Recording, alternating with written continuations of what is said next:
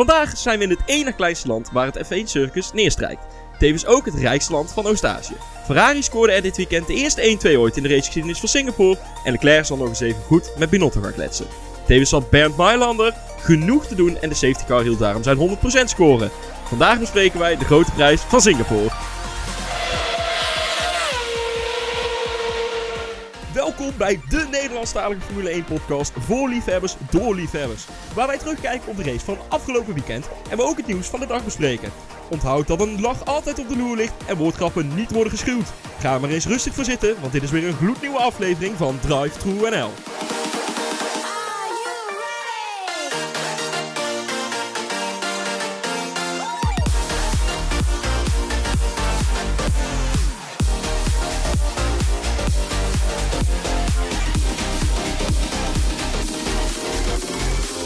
Dit weekend streek het circus neer in Singapore.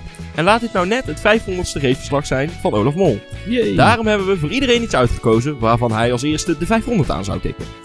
Dus aan mijn linkerkant, onze Rako weet alles en soms misschien net iets beter dan een ander. Daarom zal hij als eerste 500 klaagbrieven sturen naar een niet nader te noemen F1-analyseprogramma. Niels Maas. Nou, ik heb echt geen idee waar je het over hebt. Nee, komen we ook totaal Was- niet de, later op groepsapp, de groepsapp dit weekend was prachtig. Een soort kleine ontploffing. Ja. Ja. Vooral als je zeg maar op teamweekend bent en veel pils in je kies hebt. Zo, Zo. Jelle, Jelle slikt erin. Blijf hier hangen. Ja. En aan mijn rechterkant, van hem weten wij dat hij heel graag oude races terugkijkt. Hij zal dan ook als eerste 500 races kijken of terugkijken. Lucas Paulides. Zeker. Dat is on- ongeveer de helft, hè?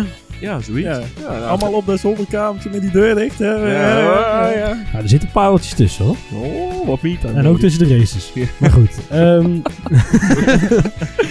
Maar goed, aan de andere kant van de tafel is niet bijzonder groot en heeft een bril. Daarom hebben wij voor hem iets gekozen met 500 wat hij niet als eerste, maar juist net haalt. En dat zijn 500 mm. Verder is hij onze gast van vandaag, Max Weining. Yes. Komt net boven de tafel uit. Ja, ja het, is- het zitvogeltje zit erin, hè? Ja. Oh, dat moet ik. Ja, Ja. dat is waar ook. En onze host reist graag naar verschillende plekken. Daarom zal hij, zoals ik het zelf vaak noem, als eerste de 500 schoolreisjes maken. Tevens is hij zo scherp. Jelle van Dongen! Ja, ja, dankjewel. Ik heb geen idee. Heb je het volgende schoolreisje al gepland staan, Jelle? Ja. Ehm, ja, maar Oh, dat ja. is geen schoolreis. Oh, ik heb ik hoor dat er iemand mee mag. Dat weet jij nog niet. Nee. Wat? Wat ga je doen?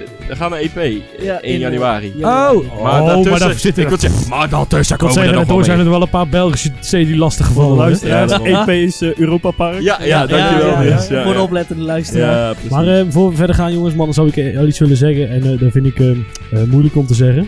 Neem je afscheid. Eindelijk. Ja. Hè, Folie. Kut.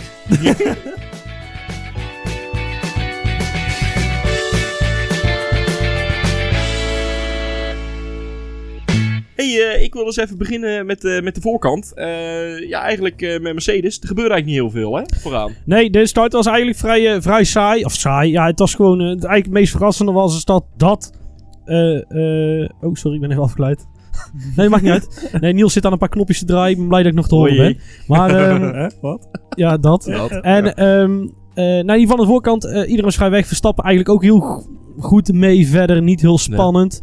Ehm, Vettel keek wel de eerste paar ronden nog heel erg bij Hamilton. Toch ja, dat Ferrari was eigenlijk het enige die nog een beetje kon proberen aan de voorkant. eh, maar voor de rest eh, reed iedereen maar een beetje achter elkaar aan. Eh, ja, eigenlijk wel jammer. Want ja, het is toch een beetje waar het moet gebeuren. Eh, zeker in Singapore. Ook nog een best wel lang rechtstuk. Net na de start. Denk ik toch van, nou, misschien eh, Ferrari Power. Dat eh, Vettel nog eventjes iets gaat doen. Maar dat viel eigenlijk Ja. een beetje tegen. Ja, ja, klopt. Eigenlijk het enige interessante van de top 3 was toch wel eh, eh, de pitstops. Eh, de pit battle eigenlijk. Daar Ja, gebeurde de wedstrijd was inderdaad vrij saai. En ehm, toen kwam het... eh tenminste, ja, het, het, Ja. het begin er gebeurde gewoon aan de voorkant Niks. niet heel veel. En dat is eigenlijk vaker met die straatraces. Leclerc die reed 13 seconden, ruim 13 seconden langzamer dan zijn poltijd, de eerste rondjes. Dat gaat, nou, dat is voor mij, ik vind dat geen Formule 1. Dat, dat, dat slaat gewoon eigenlijk helemaal nergens op. Maar goed, dat is ja, die tactiek. Want je kunt toch niet inhalen om te voorkomen dat iemand achter je een undercut kan maken. Ja, het is leuk dat iedereen allemaal die eh, race paces gaat analyseren op vrijdag. Maar als ze dan vervolgens zo langzaam gaan rijden en ze komen er ook niet eens langs. Je zag het ook aan Lewis die gewoon halverwege het rechte stuk al begon met gas loslaten. Om maar weer, eh, ja, lift en coast, weet ik veel, Ja. allemaal die, eh, die dingetjes. Ja, het, zag er niet echt uit. Ook, ja, je zag het ook weer aan Norris, die heel makkelijk bij kon blijven Ja. bij Albon eigenlijk. Die zat er maar drie seconden achter na een rondje of 15. Ja, het, dat gebeurt niet op heel vaak eigenlijk. zonder Nee. safety car, nee. Ja goed, en toen kwam eigenlijk het, eh, ik denk wel het eh, moment waar, eh, ja, misschien waar de race gewonnen werd. Ehm, Ja. Het begint met het feit dat Verstappen begint met, te kla- begint met klagen over zijn banden. Dus misschien dat Verstappen iets meer moeite had of zo om bij te blijven. Ik weet het ook niet precies. Maar in ieder geval, zijn banden had hij echt, zei ook, no grip, no grip. En die ging naar binnen. En met hetzelfde moment besloten ze bij Ferrari dat ook te doen. Die zagen hem waarschijnlijk klaar en die hebben dat op de boordradio gehoord. En die zagen dus, eh, toen ging Vettel ook naar binnen. En eh, die dacht van, ik ga lekker pushen op mijn outlap. En eh, die bleek na één rondje, toen Charles Leclerc, Charles ook een rondje, een rondje gepit had, eens voor Leclerc te rijden. Ja, en Ja. Dat, ja, ik denk dat vooral Leclerc hem daar verloren heeft, eigenlijk. Niet, niet zozeer dat, eh, dat Vettel hem daar gewonnen heeft. En dan om het nog erger te maken, bij Mercedes deze nog een stapje bovenop. Ja, maar wat ze bij Mercedes deden, dat is echt een. Daar, daar, daar, daar, daar snap ik helemaal niks van. Een team wat strategisch altijd zo goed in orde is, dat moet dan toch. Ja, vooral wat ze bij, eh, bij Sky Sports tijdens de race zelf zeiden eigenlijk. Van eh, ja, ze proberen, of ze hopen nou eigenlijk bij Mercedes dat eh, de Ferraris en Max Verstappen tegen die vier voorgangers die er nog reden. Dat was Raikkonen en nog eh, drie. En, en hopen dat ze daar heel veel tijd verliezen met, eh, ja, in, in die chaos, eh, Ja. met het passeren. Maar ze moesten echt wel zeven seconden verliezen of zo. En, en dat was echt heel veel. En zeker omdat Hamilton eigenlijk ook helemaal geen pace had. Ja, het bleek ook uiteindelijk wel. Hij kwam gewoon eh 5, 6 seconden achter Max nog terecht. Ja, want er was uiteindelijk zelfs een, een soort van teamorder voor nodig voor Bottas. Ja, van, eh, hey, Ja, eh, die je was wel even, sneu, eh, hè? ja. Ja, ik vind het. Aan de ene kant vind ik het een beetje flauw eh, van Mercedes. Maar aan de andere kant, ja, het is ook wel weer zo. Punten maximaliseren, toch? Dat is het. Ja. Kijk, als ze het niet doen, dan gaat iedereen weer lopen verkopen van... Ja, joh, eh, waarom doen ze dat nou niet? En Ferrari heeft dat twee jaar geleden ook gehad. Toen Kimmy een paar keer vooruit, de, de, de, de, de, eh, weet je het, vooruit mocht. Ja. Toen riep iedereen in de paddock... Ja, dus ze doen niet hun best. Want eh, Vettel die, eh, wordt niet voorgetrokken voor, voor Ra- Raikkonen. Ja. Dus het is een beetje een, een Ja. Ja, en aan de kant- wereld. Aan de ene kant is het ook heel leuk dat, eh, ja, dat ze bij Mercedes wel echt voor die winst gaan. Want anders laat je Hamilton niet zo lang buiten rijden. En ja, ik denk dat ze daar ondertussen ook wel door hebben van... Nou, de kampioenschap, daar, daar zit onderhand wel goed. Ja, wel. Maar ja, dat ze dan alsnog Maar- nog dat, dat ene, of ja, eh, twee, drie puntjes is er dan. Dat ze dan nog dat zo belangrijk vinden om Bottas daar helemaal de grond voor in te stampen. Want eigenlijk is het dat gewoon. Gewoon nog een zetje in zijn rug geven. Ja, eh, misschien een beetje overdreven. Ja, ik, eh, ik dacht al, ik heb, eh, je, je hoort natuurlijk al vaker, dat is waarvoor Bottas er is. Hè. Hij is tweede rijder en hij is gecontracteerd als tweede rijder. En dat is gewoon precies om die rust in het team te bewaren. Lekker Duits. Maar is het ook niet zo dat ze bij eh, Mercedes dan maar gokten dat er een safety car zou kunnen komen? Ja, Want kijk, dat is, ze zeiden op de boordradio, zeiden ze namelijk, doe opposite to Leclerc. Dus ja, als je al ziet dat, dat die andere twee gasten zo'n ontzettend snelle outlap rijden, die gasten bij Mercedes zijn slim zat om dat te zien, dan moet je toch dat... Dan denk ik dat ze het daar gegokt hebben dan maar. Eigenlijk wat Red Bull zou kunnen doen, hè.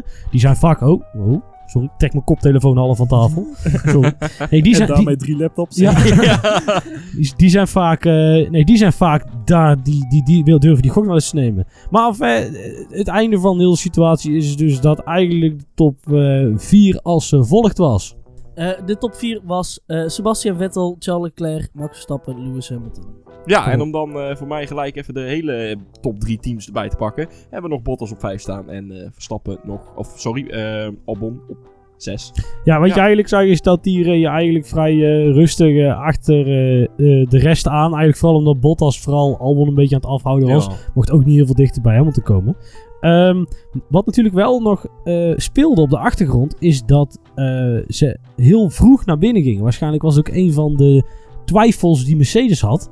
Van joh, gaan die banden van die Ferraris het wel redden Ja. zo lang? Mhm. Ja, dus aan de ene kant hoopten ze heel erg op een safety car.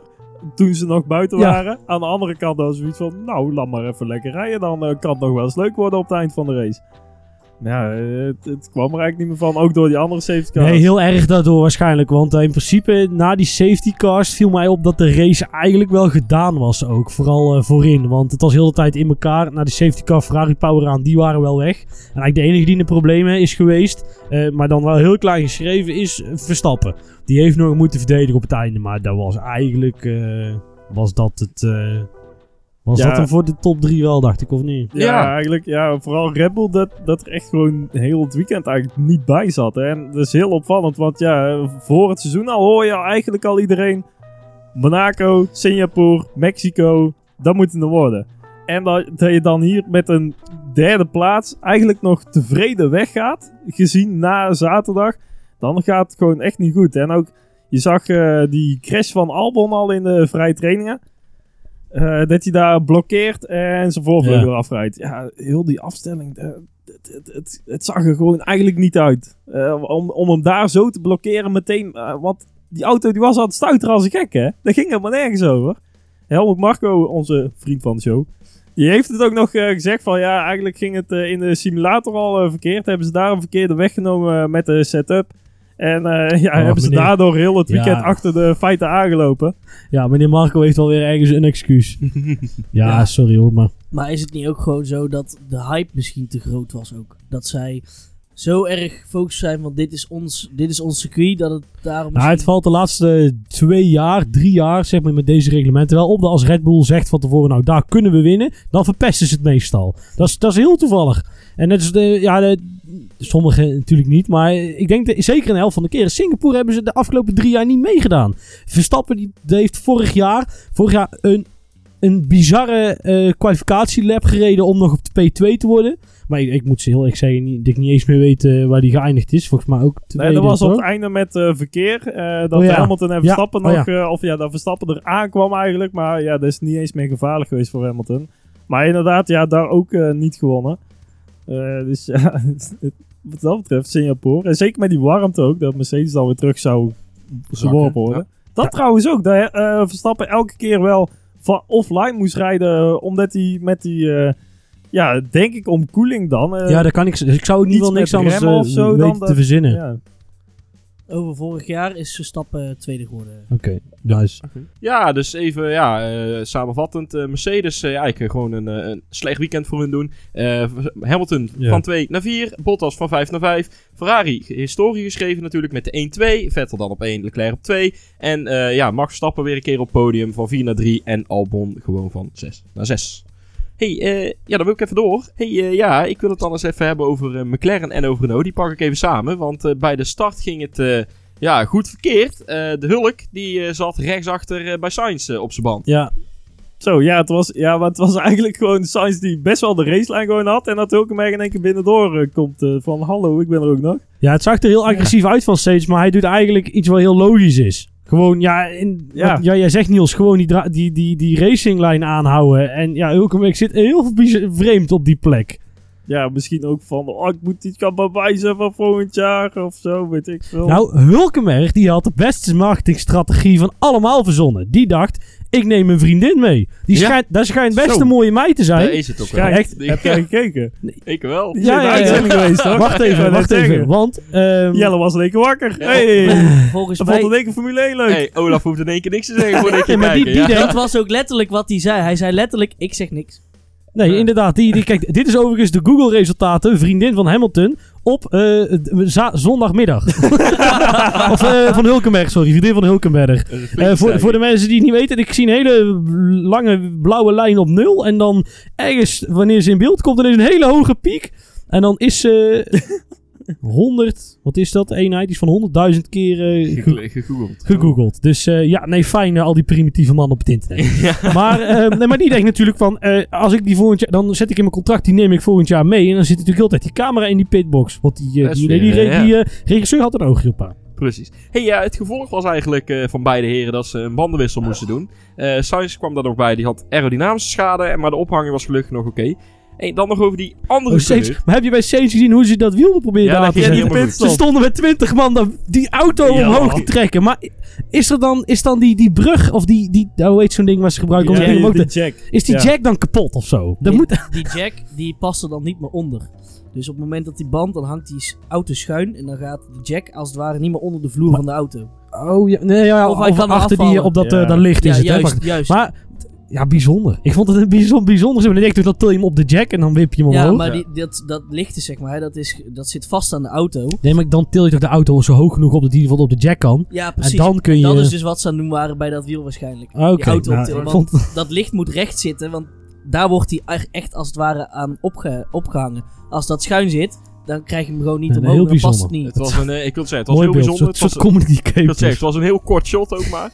Hey, ik wil het nog eens hebben over die andere coureur eh, van Renault. Eh, ja, Ricciardo die rijdt ook nog bij iemand ergens achterop. Het was een soort, eh, soort, eh, ja, het soort thema. Hè? Nee, maar het weekend van Ren- Ricciardo begon natuurlijk met de grootste grap van allemaal. Een Renault die te veel vermogen levert. nee, het is dan flauw. Nee, ja, Olaf.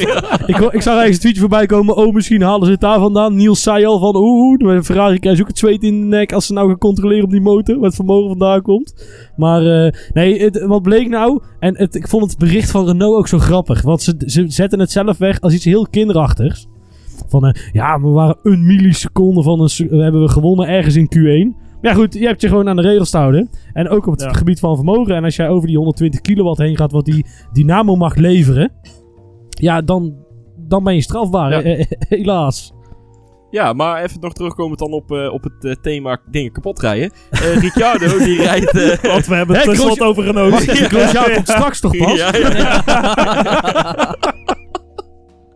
Zo makkelijk ook weer. Ja, sorry. Ja. Sorry Romain. Ja, ja, Maar dan gaan wij straks dan... Nou, dan gaat... Ja, Ja, ja, daarom. ja. Maar eh, Ricciardo die rijdt de voorvleugel van George Russell helemaal kapot. Nou, het was eerder dat George Russell gewoon zijn eigen vleugel kapot rijdt. Nou, het was meer eigenlijk... nou ja, sterker nog. De Kubica helemaal aan de buitenkant. En die kneep een beetje naar binnen. Oh. Daar zat eh, Russell tussen. En aan de binnenkant zat eigenlijk Ricciardo.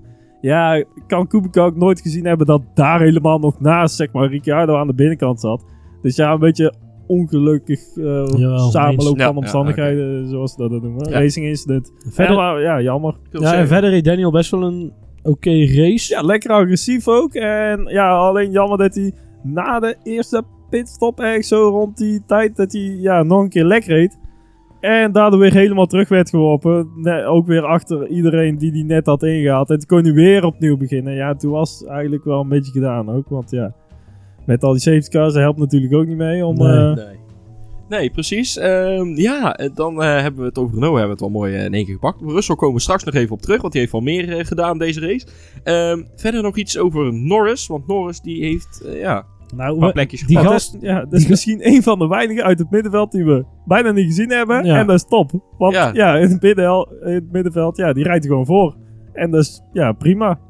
Ja, nou ja, heel prima. Helemaal als je bedenkt dat die jongen dus nog nooit op dit circuit gereden heeft. Hè? Die heeft dus de eerste, eh, wat is het, 61 rondjes, eh, heeft hij zondag gereden. Dus eh, ja, vrije trainingen, oké. Maar ja, dat is gewoon bijzonder knap dat je dan dit resultaat neerzet. Toch mee- hè, beter, beter kunnen we het niet maken. Hoe ver is hij uiteindelijk nog achter Bottas geëindigd? Of zaten ze nog... Nee, trouwens, zat- Albon zat daar nog voor.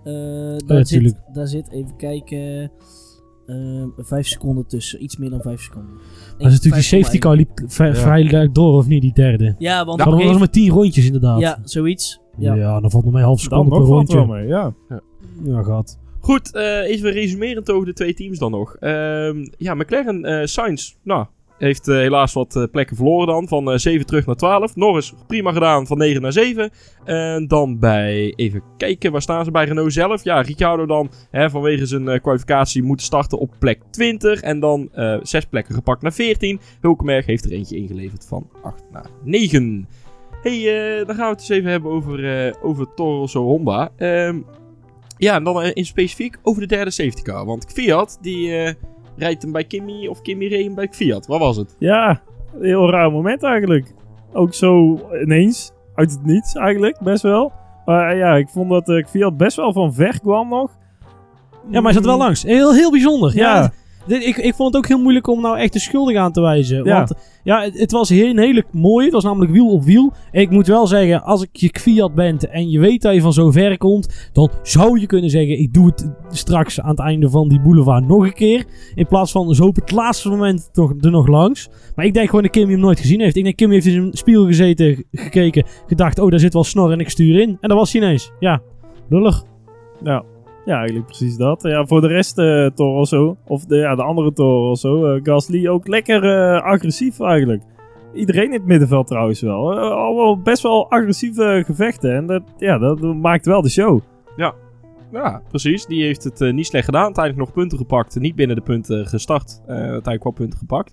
Hey, ik wil het dan ook nog even hebben over de andere coureur bij Alfa Romeo. Eh, ja, daarvoor hebben ze denk ik heel even de Italiaanse pers gebeld. De camera's tevoorschijn getoverd. Die heeft heel even op P1 gereden. Ja. Maar eh, het was ook wel weer eh cirkel van de race. In ieder geval qua straffen. Nou, in ieder geval, dat vooraanrijden was hij de eerste sinds 2015 dat Williams dat deed nog. Oeh. Toen in de, in de tijd dat ze met de Mercedes motor zo sterk was ten opzichte van de rest, dat zelfs een Williams nog vooraan mee kon doen. Nee, Nee, de- ten opzichte van de top 3 dan. De top 3 teams. Of Eh, ja, ja, dat bedoel ik. Sorry, kijk, de- de- Ja. dat het niet, niet de top 3 is. Zo, dat was wel Ja. echt heel slecht gezegd, inderdaad. ik zal mijn punt nog een keer goed maken.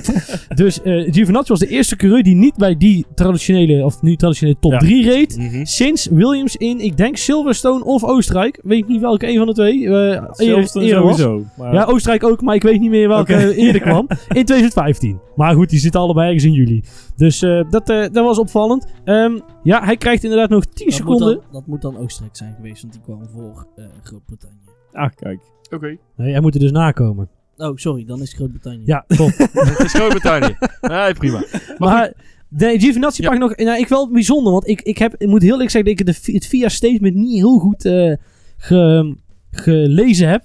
Maar ik las ergens dan, want eh, de vertaling gaat nog wel zoiets nog wel eens een keer verkeerd. Ehm 10 seconden ve- voor eh, te hard rijden. Eh, en daarmee dus zowel omdat de kraan op de baan is, maar ook marshals in gevaar gebracht. En toen dacht ik, ja, maar dan moet je toch gewoon geblackflagged worden? Of zie ik daar nou verkeerd? Marges in gevaar brengen, dat is toch wel iets serieus. Ja, dat- ja, maar dan vind ik iets anders. Als, hij kwam veel. Ja, ik weet ook niet. Ik, ik- de situatie was heel moeilijk te beoordelen. Want ik heb op Reddit wel een filmpje voorbij zien komen. Maar ja, dat was. Ja, die drie seconden dat hij er voorbij reed. Ja, hij ging daar heel hard.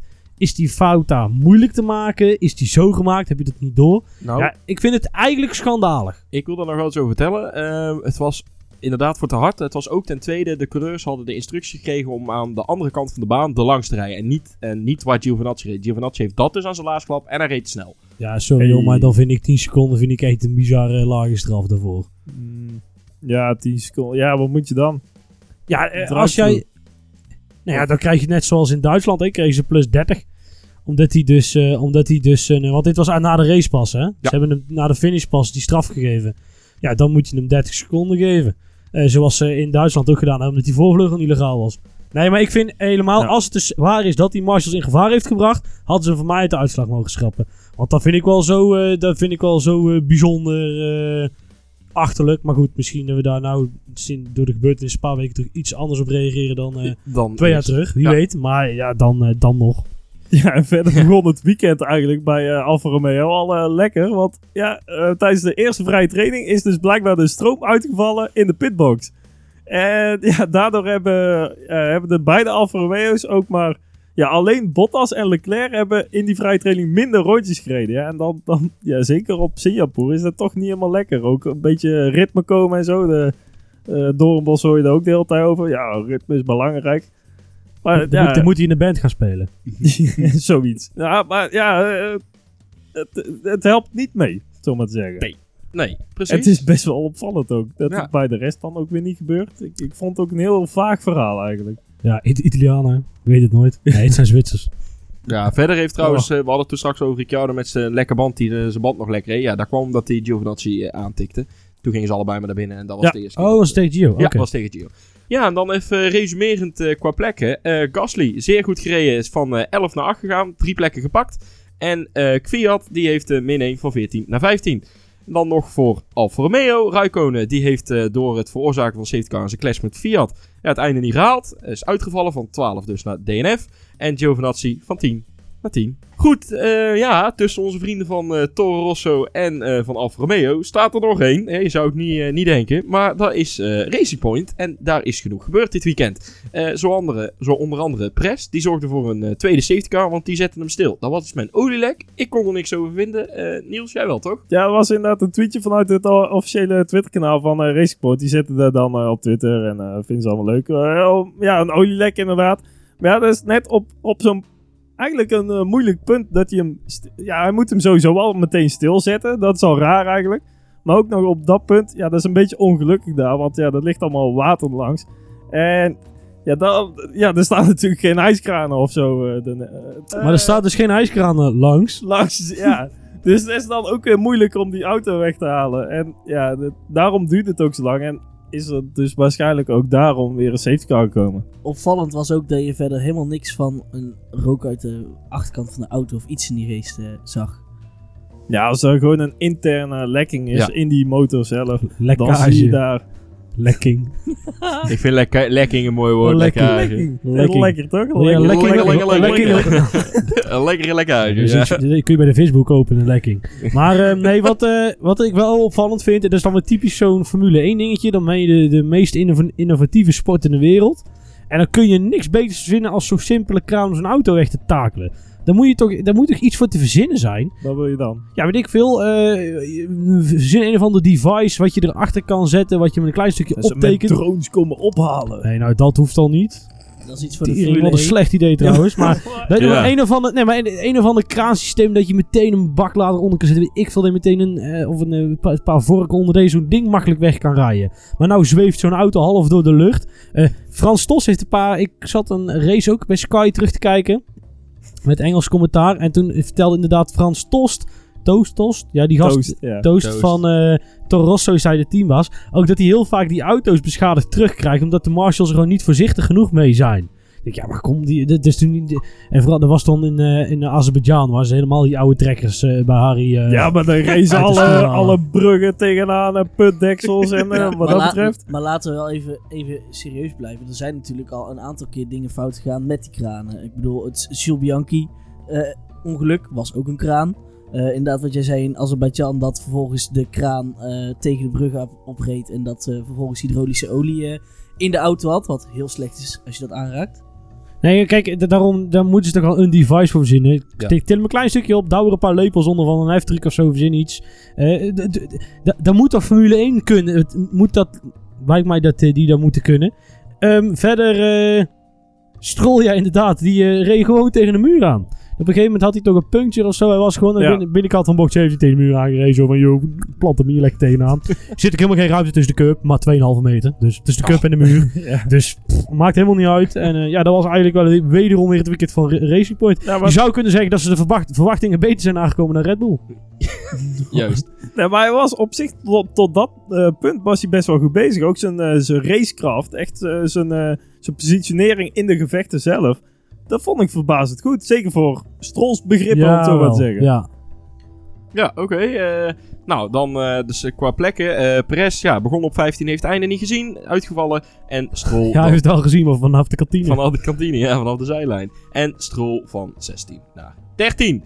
Eh, dan hebben we er nog twee over. En eh, ook die gaan we even samenpakken. Dat is eh, Haas en eh, nou, hey, Williams. Wat een verrassing. Je mag zelf uit gaan vinden wie van de twee laatste staat van die twee. Hè? Moet niet zo moeilijk zijn.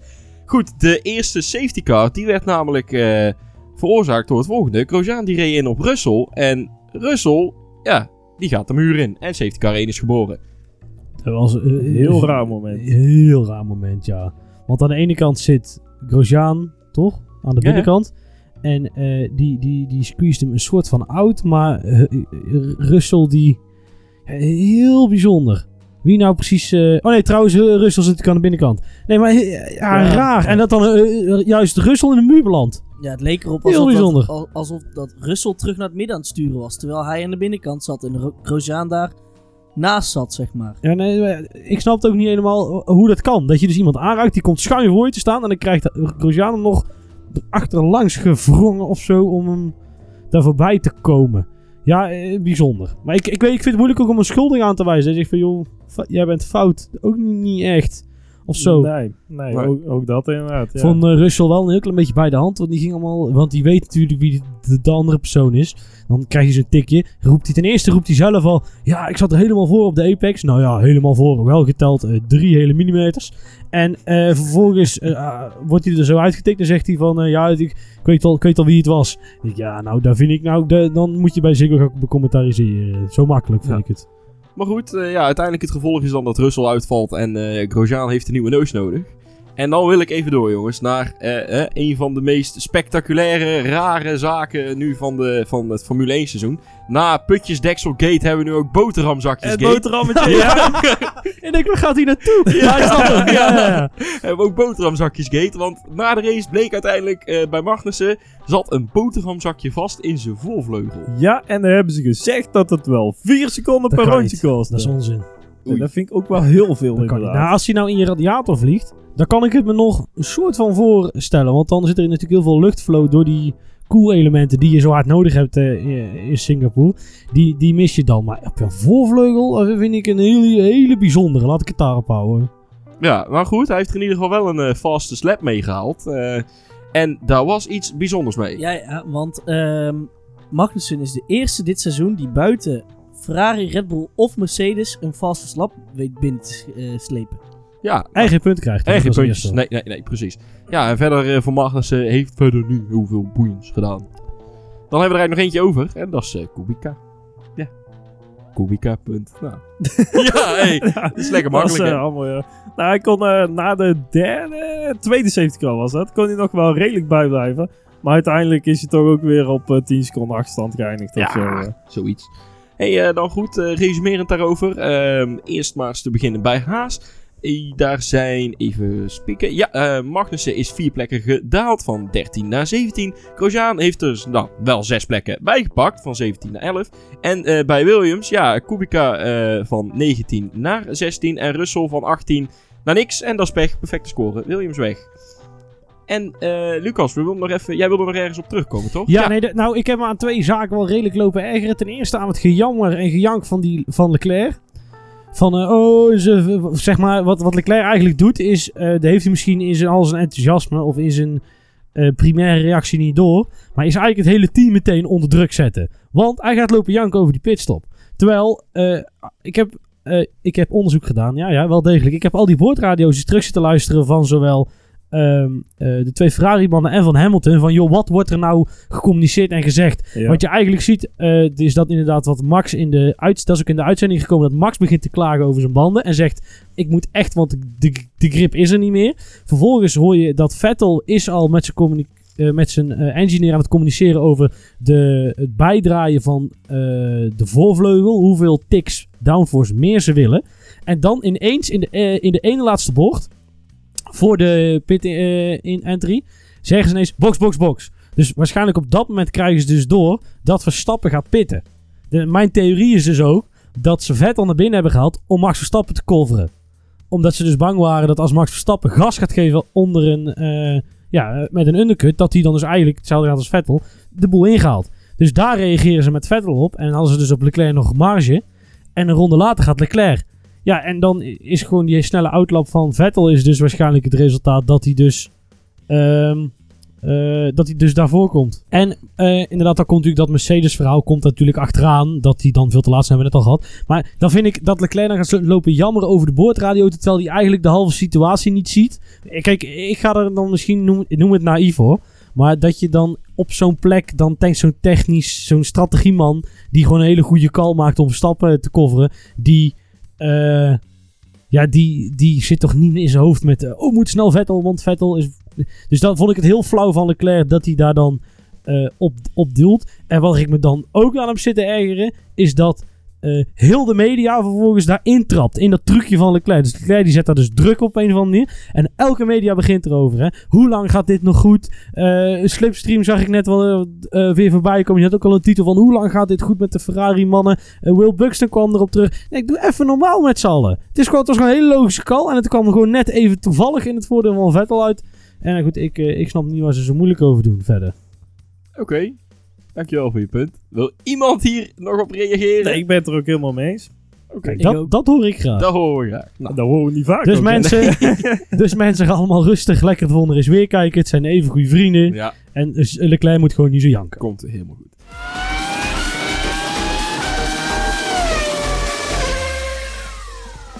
Dan gaan we verder met de Fancy League, eh, ons improvisatiestukje van de week. Eh, laat ik eens beginnen bij Max. Die staat nog steeds ene laatste op plek 17. En dan wil ik zelf verder graag met de top 10. Op plek 10 staat Neo25. Op plek 9 staat Turbo Thijs. Op plek 8 El Grande Pequeño. Dan komen we op plek 7, ja ja, Drive Ronel Niels tegen. Oeh, ja jammer hè. Op plek 6 staat dan Red Cow Racing. Op plek 5 F1 op Paul. Op plek 4 staat onze eigen Ronel Lucas. Ja, ga door. Op plek 3 staat Vossen Racing, die is ver gestegen. Op plek 2 sta ik zelf. En dan echt 60 punten daar los van staat Hybrid Hidder op plek 1. Het orakel valt van zijn sokkel. Hoi. Oh. Ontmaskerd.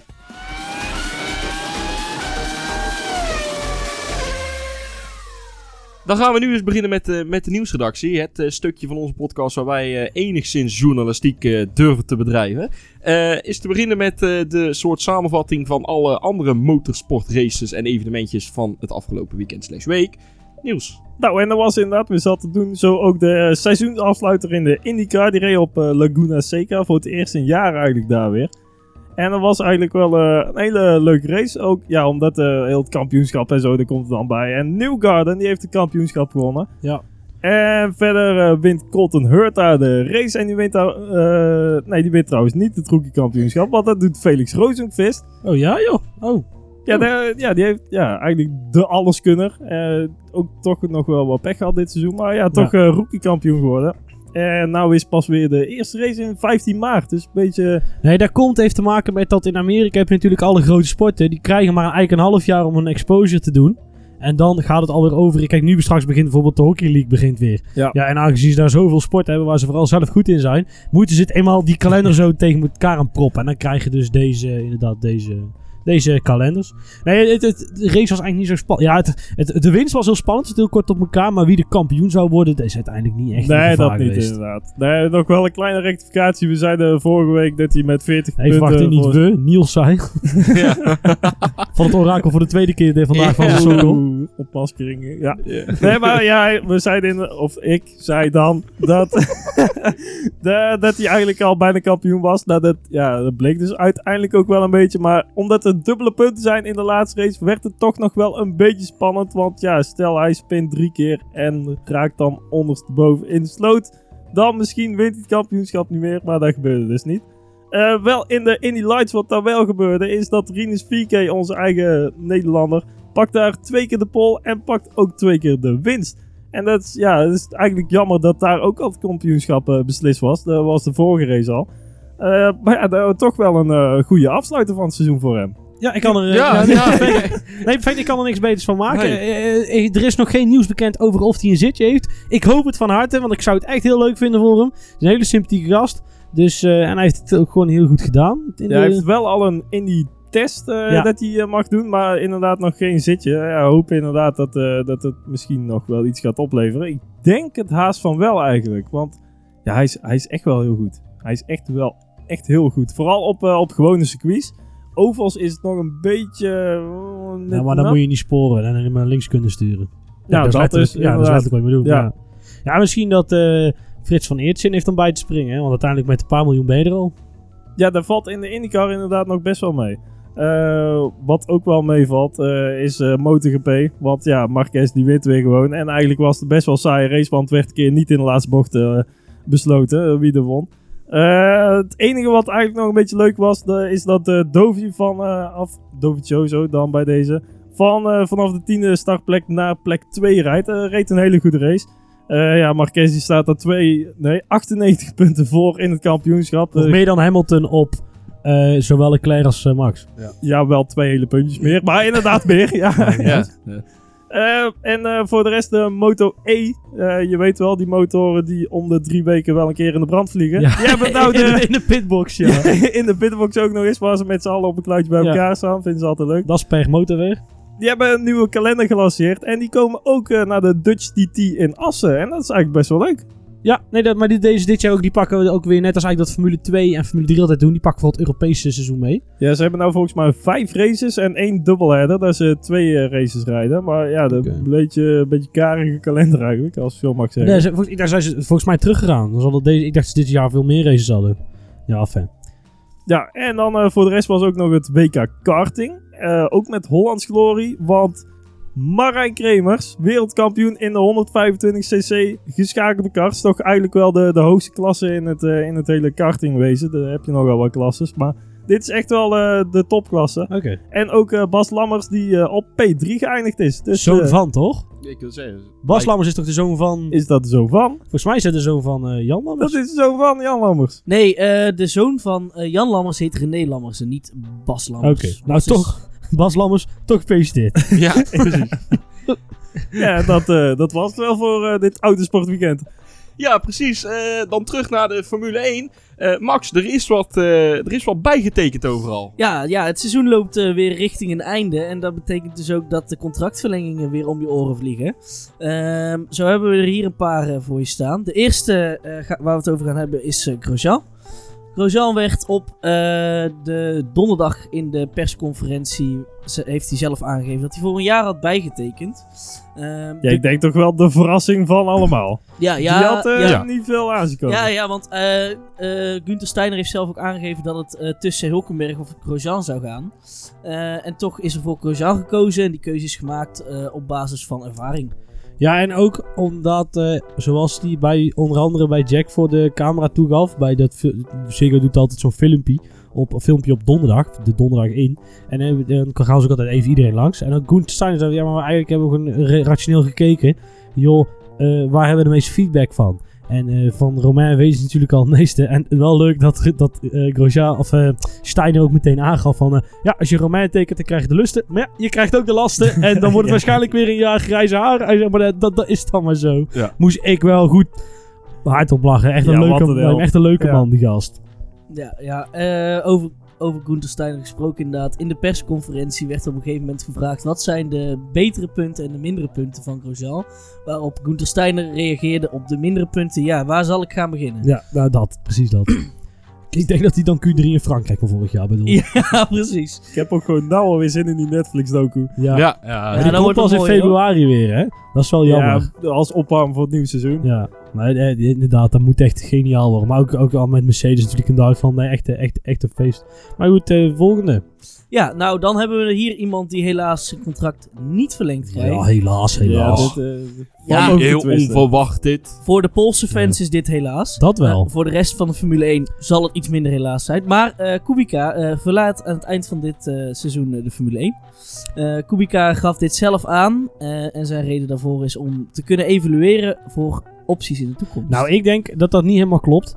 Ik denk namelijk gewoon dat de sponsor van Kubica heeft gezegd van... joh, ik ga voor dit niet nog een keer jaar 15 miljoen overmaken naar de bankrekening van Tante Claire. nee, ja, ik dus- vond zijn andere reden die hij gaf is hij eh, wil graag iets doen waar voldoening uitkomt. En dat kan op dit moment bij Williams niet, omdat hij toch achteraan eindigt.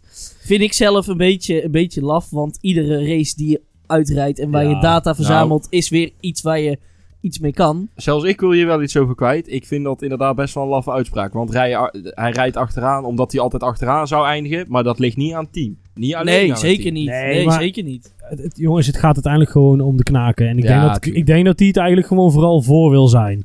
Dat dat het eigenlijk eh, waarschijnlijk is. Dat hij zelf naar buiten wil brengen. De eer aan zichzelf nou houdt. En eh, En dan wordt volgende week Latifi bekendgemaakt. dat denk ik ook, ja. Ja, ja eh, verder sluit hij niet uit eh, terug te keren in de Formule 1. Dus wie weet... Nou, wij wel. Ja.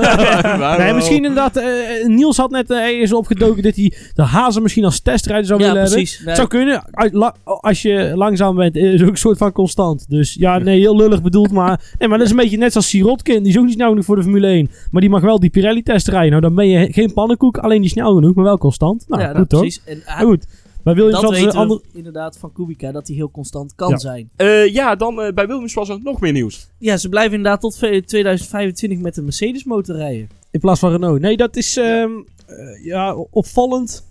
Weet ik eigenlijk niet. Dan zijn die 1000 eh, pk heeft uh, de boel toch net niet goed genoeg weten te verkopen. nee, ja, nee, maar dat is toch zo. Ja. Dat, eh, dat, eh, nou, dat heeft waarschijnlijk te maken met veel meer eh, contracten hoor. Waarschijnlijk heeft Mercedes dan ook iets minder gevraagd.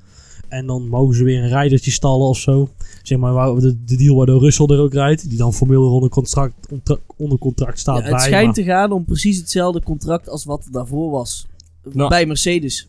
Ja, nou daarom. Eh, wel, dan, als ze precies hetzelfde contract hebben, blijven ze dus ook wel dan de gearbox zelf maken en de rest van de powertrain. Ja, ja, maar dat is ook wat zij graag zelf willen doen. Nee, hè? maar dan doen ze dat dus, dus, dus wel. Maar Williams blijft wel weer lekker de eigen gearbox maken. Ja, dat. Nee, maar ja, ik, ik, Ja. ik Beetje heb daar ook wel respect voor. Ja, maar... Nah, nee. Ja. Nee, Ja. maar je kunt of 35 miljoen over de, plank, eh, over de plank heen jagen. Om Ja. lekker... eh, ja, maar we kunnen wel een eigen gearbox maken. Of je koopt er eentje die gewoon goed is voor 15 miljoen bij Mercedes. Hij gaat het over Ja, maar wat ga je dan doen? Nou, misschien denk ik het een beetje aan. ik, denk, ik denk dat jij het een heel erg een beetje aandikt. Ja, Ja. Maar er zit zeker wel performance tussen en ook kosten.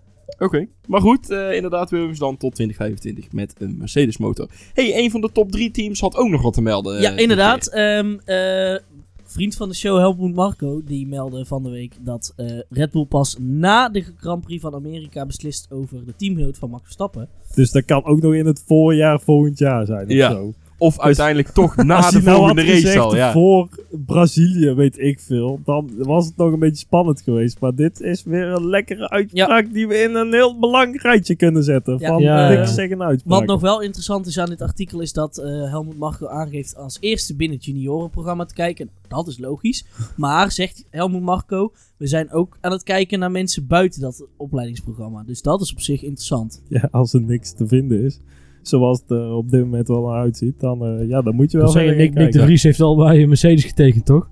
Ja, Ja, de Formule E. Dus ja, nee. eh, eh, ja, ik, Hulkenberg. Ik ja, zeg er maar niks over. Neem Hulkenberg. De, als ze Hulkenberg halen, dan kunnen ze meteen stoppen met Toro Rosso. Verkopen aan Honda en nooit meer naar omkijken. Want dat slaat Dat nergens op. Dus eh, wat er trouwens daar wel bij hoort, is dat hij aangaf dat Fiat op zijn plek zit. En dat dus Albon of Gasly het moet worden, toch? Dat, eh, oh ja, wat je net zegt trouwens inderdaad met die... eh, nou ja, ehm, dat betekent dus dat er voor Hulkenberg geen zitje meer over is. Behalve nog maar eentje. En dat is die van Giovinazzi. Ja. En eh, dat is ook weer eh, sappig. Want Binotto heeft namelijk dit weekend gezegd... dat Giovinazzi wel de steun van de Ferrari Company geniet. Wat betekent dat hij waarschijnlijk ook nog maar een jaartje blijft. En dat betekent dat Hulkenberg Formule 1 kan, eh, E kan rijden volgend Ja. jaar, denk ik, of niet? Over Formule 1 gesproken. Ik, eh, het seizoen is natuurlijk van 2018 op 2019 is afgelopen. Maar seizoen 2019 op 2020, dat staat wel voor de deur. En ik heb een overzichtje gemaakt van hoe dat de teams er nu voor staan. En waar eventueel Hulkenberg dus zijn plekje kan vinden. Ja, en eh, we bespreken de meest eh, verrassende verder. Of ik denk, dan gaan we alle teams even gauw, eh, Ja, ik heb ze- snel ja, af. Ja. Even snel, even Nou, snel. Dan beginnen we bij Audi. Eh, daar blijven Lucas Grassi en Daniel Abt gewoon lekker op hun plaats zitten. Wel twee, lo- twee, twee logische keuzes lijkt mij, of niet? Ja, het doet allebei redelijk. Abt is niet top, maar rijdt gewoon een beetje à la Bottas lekker mee. Ja, ja, dan hebben we eh, bij BMW is er nog maar één iemand aangekondigd. Die komt van Dragon Racing en dat is Maximilian Gunther. Ehm, Ja, ook al een uh, oudgediende eigenlijk in de Formule 1, die ook al een paar jaar mee rijdt. Dus ja, Ja. ervaring. ja, inderdaad. Eh, de andere moet nog aangekondigd worden. Ja, dat komt eigenlijk... kom- dat dat gat er nog zit is eigenlijk omdat de Costa besloten heeft om weg te gaan. Ja, Nou, inderdaad. Wat op zich wel, wel, wel een verrassende was. Nou, leuk dat je het zegt inderdaad. Eh, bij, de, bij de Cheetah, daar eh, komt Antonio Felix da Costa eh, vanaf BMW. En eh, daar blijft Jean-Eric Vergne, oftewel de regerend wereldkampioen, gewoon zitten. En dat is toch- grote Franse vriend. En, en- ja, en de Chicha is ook wel een beetje de, het klantenteam in binnen, de, binnen de Formule 1 wat het heel goed doet. Wat dus weer inderdaad de wereldkampioen kan leveren. En dus ook heel benieuwd wat eh, eh, het nieuwe team Mercedes daar tegenover kan zetten. Die toch waarschijnlijk met de grootste sloot geld gaan werken. Lijkt mij. Want die zetten niet Mercedes op de, op de auto om vervolgens een scheidjaar te hebben. Dat hebben ze afgelopen jaar met HWH kunnen doen, want dat kent toch niemand. ja, die hebben inderdaad met HWA een, een opstartjaar gehad. Gewoon eh, ja, kijken wat het allemaal is en eh, waar de problemen, Ja. kinderziektes, allemaal denk, die, die, die dingen. hebben de eerste zes races niet eens uitgereden volgens mij. Nee, dat kan goed dus inderdaad. heel weinig, ja. En toen begon eh, Stoffel ook een beetje eh, door te krijgen wat er eh, nou precies eh, wordt gevraagd in zo'n Formule 1 auto. En toen ging het eigenlijk best wel lekker. Eh, dan hebben we nog eh, Virgin Racing. Daar blijven, blijft het team hetzelfde. Dus Sam Bird en Robin Freins blijven lekker zitten. Leuk duo. Ja, goed, tegen goede gasten toch? Ja, zeker. Ja, eh, ja sympathieke gozers. Zeker. Eh, dan hebben we nog eh, Ge- Geox Dragon Racing. Eh, daar komen twee nieuwe mensen in de Formule 1. Namelijk oud Formule 1-coureur Brendan Hartley en Nico Muller. Ja, en voor Hardy vind ik een opvallende. Want hij is echt toch wel een, eh, een endurance racer. eh, lange afstand, eh, Le Mans, weet ik veel, al die dingen. En ja, zeker omdat Le Mans en Formule 1 nou best wel veel, of de, de WEC, eh, de, de endurance Ja, eh, ja. series, dat die best wel veel overlapping Maar hebben. blijft hij die rijden seizoen. dan? Ja, maar vergeet niet, Jean-Eric Vergne, regerend wereldkampioen, zit ook nog steeds in de LMP2 op dit moment. Ja, dat is toch LMP2 en geen fabrieksteam bij de LMP1's. Zoals Hartley dat wel doet. Zo, waar rijdt hij dan? Die rijdt bij G-Drive Racing in de Le Mans, eh To Le Mans series, Eu- European Le Mans series, dat is hem. Ja, wat zijn, want hij reed voor Porsche, maar dat doet hij niet meer. Nee, nee. hij is, nee. heeft er niet bij Toyota gereden.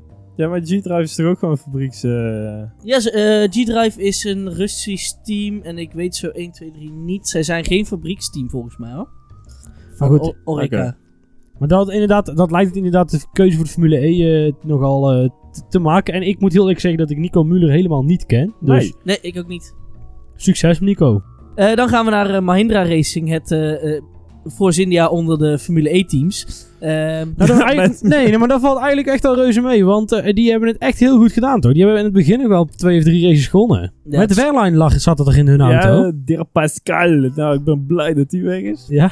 Ja, Maar ja, zij hebben dus- een fan van Nee, ik Pascal ben helemaal geen fan van Pascal Wehrlein. Wel van die teambaas van Mahindra. Want dat is ook zo'n excentrieke Ja, gast. ja, weer. d- daarin Ik had lijkt ook wel op die gast van ja, precies daarom. daarom. En ze komen ook uit India natuurlijk. Ehm, daar hebben ze helaas nog geen rijders op dit moment. Dus daar is nog Bijzonder. ruimte genoeg voor eh, onze Hulkenberg. Dan eh, gaan we naar het eh, eh, team der teams. Althans, dat verwachten we. Eh, daar komt Stoffel van Doornen en Nick de Vries. zijn twee Nederlands sprekende coureurs. Dus eh, dat wordt nog interessant. En eh, Van Doornen komt van de AWH. Ja, en vooral dat Nick de Vries daarin stapt. Ik, ik ben er echt wel heel erg benieuwd naar. Nou, wat hij ook na Stoffel kan, toch ook wel... Nou, Ja, laten McLaren eh, is niet een denderend succes geworden, nee. zo maar te zeggen. Maar Voor, voor allebei niet. is nog steeds wel echt een talentje, hoor. Ja, ik ben heel erg benieuwd. Inderdaad, kijk, Stoffel is gewoon het schoolvoorbeeld van hoe je alle raceklasses door moet lopen. En op je 24e gewoon met een paar kampioenschap achter je naam de Formule 1 in kan. Nou, dat was dan helaas niet inderdaad zo niet goed gegaan. Eh, Stoffel deed trouwens al nog een paar leuke uitspraakjes over Fernando Alonso in het Formule 1 café van vorige week. Dus als je het nu luistert, bijna twee weken terug. En eh, vond dat het eigenlijk wel allemaal om eh, Alonso ging. Hè? Dat wist iedereen ook wel te bevestigen dat het Ja. eigenlijk alleen maar op Mr. eh, Big Mr. Fernando ging. En wat een succes was dat. Sorry, even een trapje na. Eh, en eh, Nick de Vries doet eigenlijk heel slim, want die zorgt dat hij gewoon bij Mercedes dicht op het vuur zit. En eh, Mercedes weet altijd wel talenten ergens te stallen. En hij mag, ik gok dit in het simulator, simulatiewerk wat hij al deed, die mag, dat mag blijven doen. En eh, wie weet, misschien wordt hij wel reservecoureur, we weten het nog. Je weet, het zou zomaar, eh, zomaar kunnen. Ja, toen ik ook het nieuws zag van Nick de Vries, dat hij dan de overstap maakte naar Formule 1, dan denk ik toch in eerste instantie van, hè, jammer dat hij niet Ja. naar de Formule 1 gaat. Maar nou dat je er ja, iets langer over nadenkt, dan ja, ook bij Mercedes, het, het grote team naar verwachting, of tenminste, die gaan wel meedoen om de prijzen daar. Ja. En ja, beter Ah. daar een beetje vooraan mee rijden. Maar ook als je al deze namen ziet, dat zijn het ook niet alleen maar pannenkoeken. Nee, zeker niet. De- Zeg maar ten opzichte van twee, drie jaar geleden. Ja, dat is echt wel, dat, daar zitten echt al tegenwoordig grote namen bij. Ehm, over grote namen gesproken en de Formule 1 ga ik even een heel klein uitstapje maken. Voordat we verder gaan met overzicht. Ehm, van de week kwam naar buiten dat Toto Wolff en Lewis Hamilton samen hebben gezeten voor een eventuele overweging naar de Formule E. Eh, hiermee is niet gezegd dat, eh, dat het ook gaat gebeuren, maar er is zeker over nagedacht. Dus wie weet dat Ja, nou dan mag Hamilton daar eens een nadagen nog een paar rondjes rijden. Ik weet niet, ik vind het een beetje... eh, Formule 1 is voor Hamilton het belangrijkste. En eh hij wil gewoon volgend jaar de G7 wereldtitel pakken.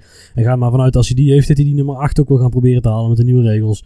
Ook eh, ondanks dat hij ja, inmiddels 8,37 is dan. Dus eh, ja, weet je, dit vind ik altijd zo'n koffiedik kijken. Ja, nee, uiteraard. Eh, dan gaan we naar een NIO FE-team. Eh, die hebben ook helaas nog geen rijders aangekondigd. Ehm, dan gaan we naar Nissan Edams. Die hebben nog steeds dezelfde rijders als vorig seizoen. Nou, Hoe Amy, haha, die sportvergemeten die gast. Nou, echt.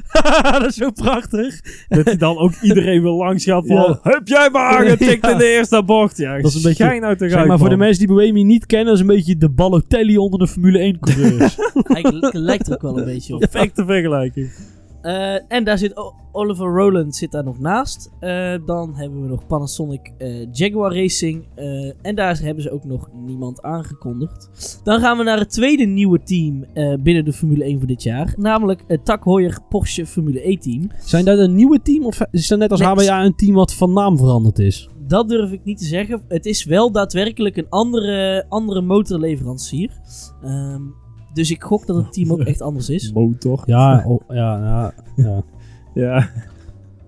Ja, nee, dus eh, dat, een, een nieuw team, een nieuwe aandrijflijn eh, en een nieuwe rijders. eh, en natuurlijk nieuwe rijders.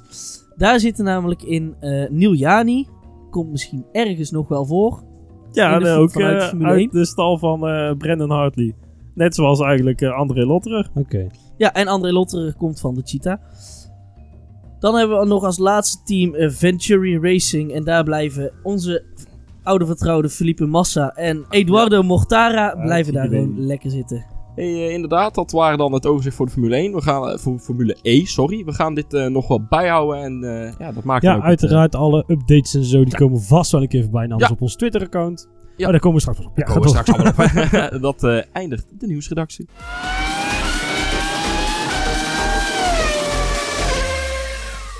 Dan is het tijd voor ons eh ere-rondje van de week, een soort van. Zeg dat Eh, wel.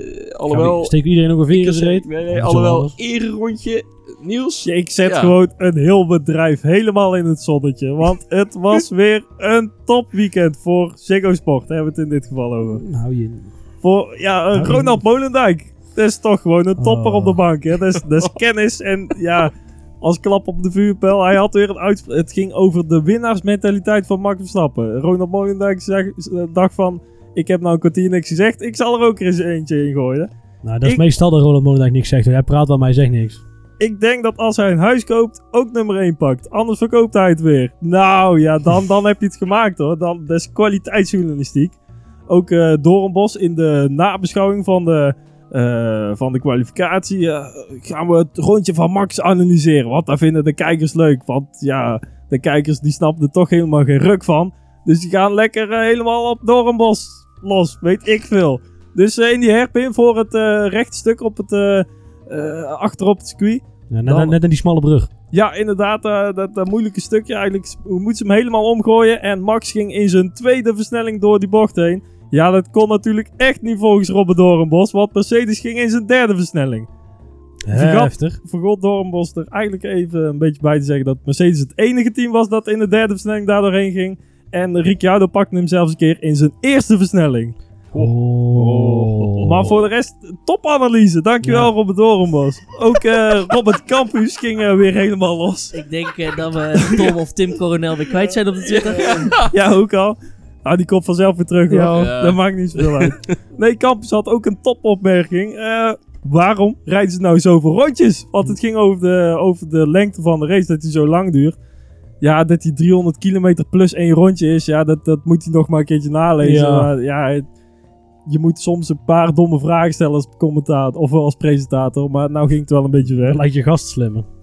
Over domme vragen gesproken. Jack Ploy, ehm, het is onmogelijk Wacht om... even, wacht even, wacht even. Insinueer jij nou dat Jack Ploy vragen stelt? Oh, dat is al Nee, inderdaad. Want hij heeft volgens mij echt wel drie keer de, de, ja, de opmerking gemaakt. Want vraag kunnen we het dan niet noemen. Het is eh, onmogelijk om een perfecte ronde te rijden, toch? Ja. Ja, en dan duwt hij die, die microfoon naar voren. Gewoon, wat, wat doe je nou? En je ziet ook bij, bij Max steeds meer die frustratie komen. Als, als je weer een opmerking maakt. Hij had het deze keer ook weer van. Nou, vierde plek. Eh, best wel lekker ge- gekwalificeerd, hè, Max? en dan zie je, zie je hem ook echt zo kijken van... Gast, wa- wat lul je nou? Ja. we, moet, we moeten hier op de, minstens op de eerste startrij staan. En hij komt er even een beetje gezellig eh, de clown uit hangen. Echt, Laat hoe meer je daarop gaat letten...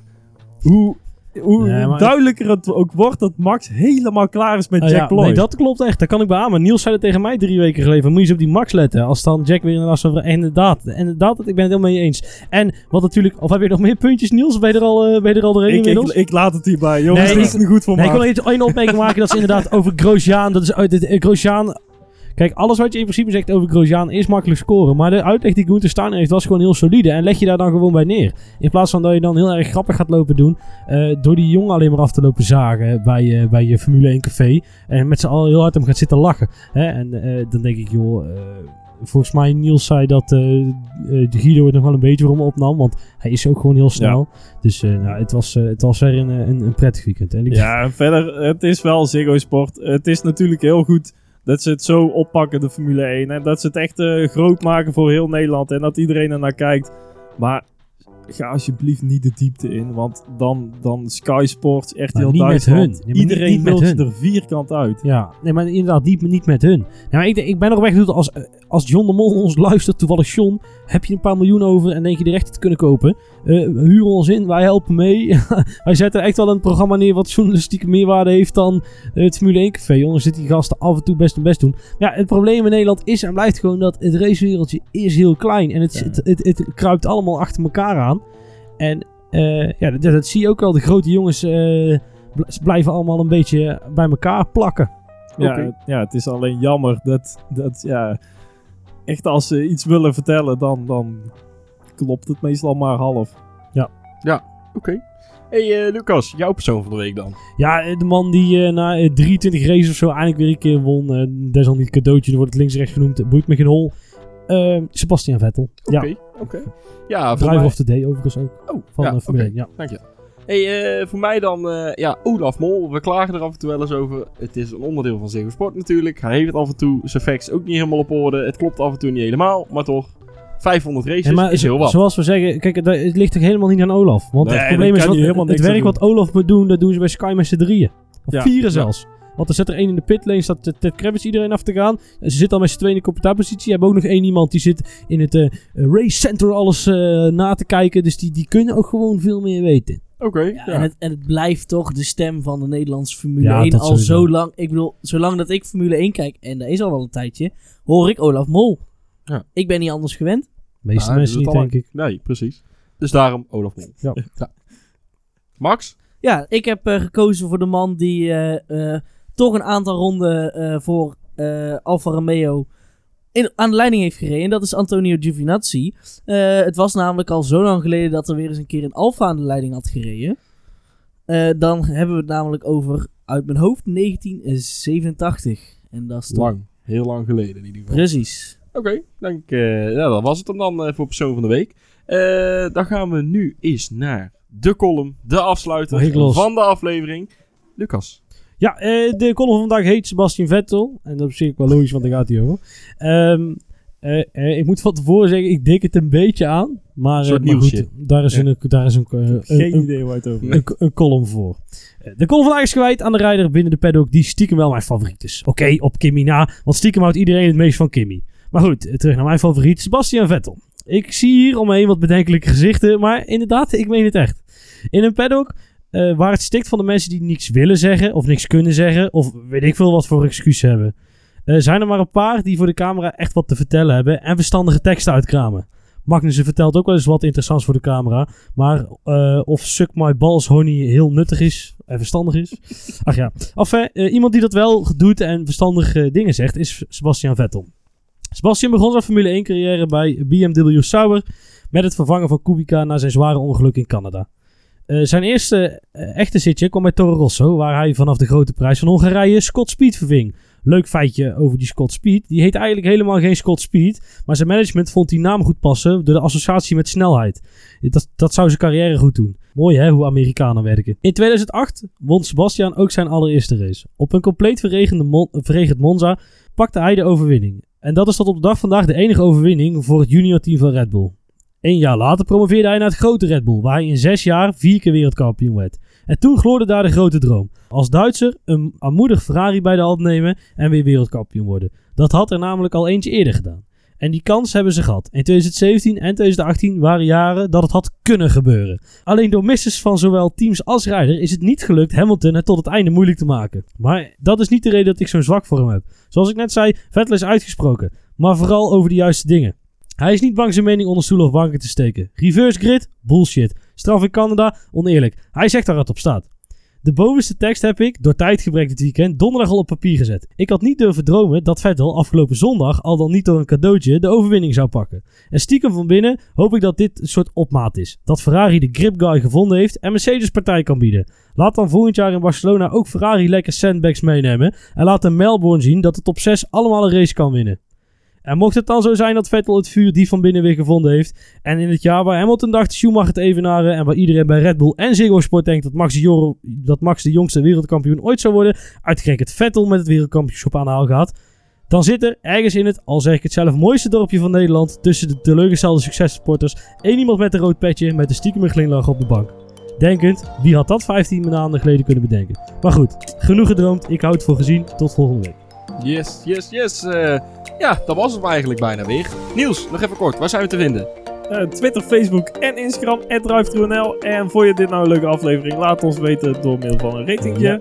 Ja, precies. En dan eh, zit het er weer op voor de GP van Singapore. Zijn wij er volgende week weer voor de GP van Rusland. Roesja.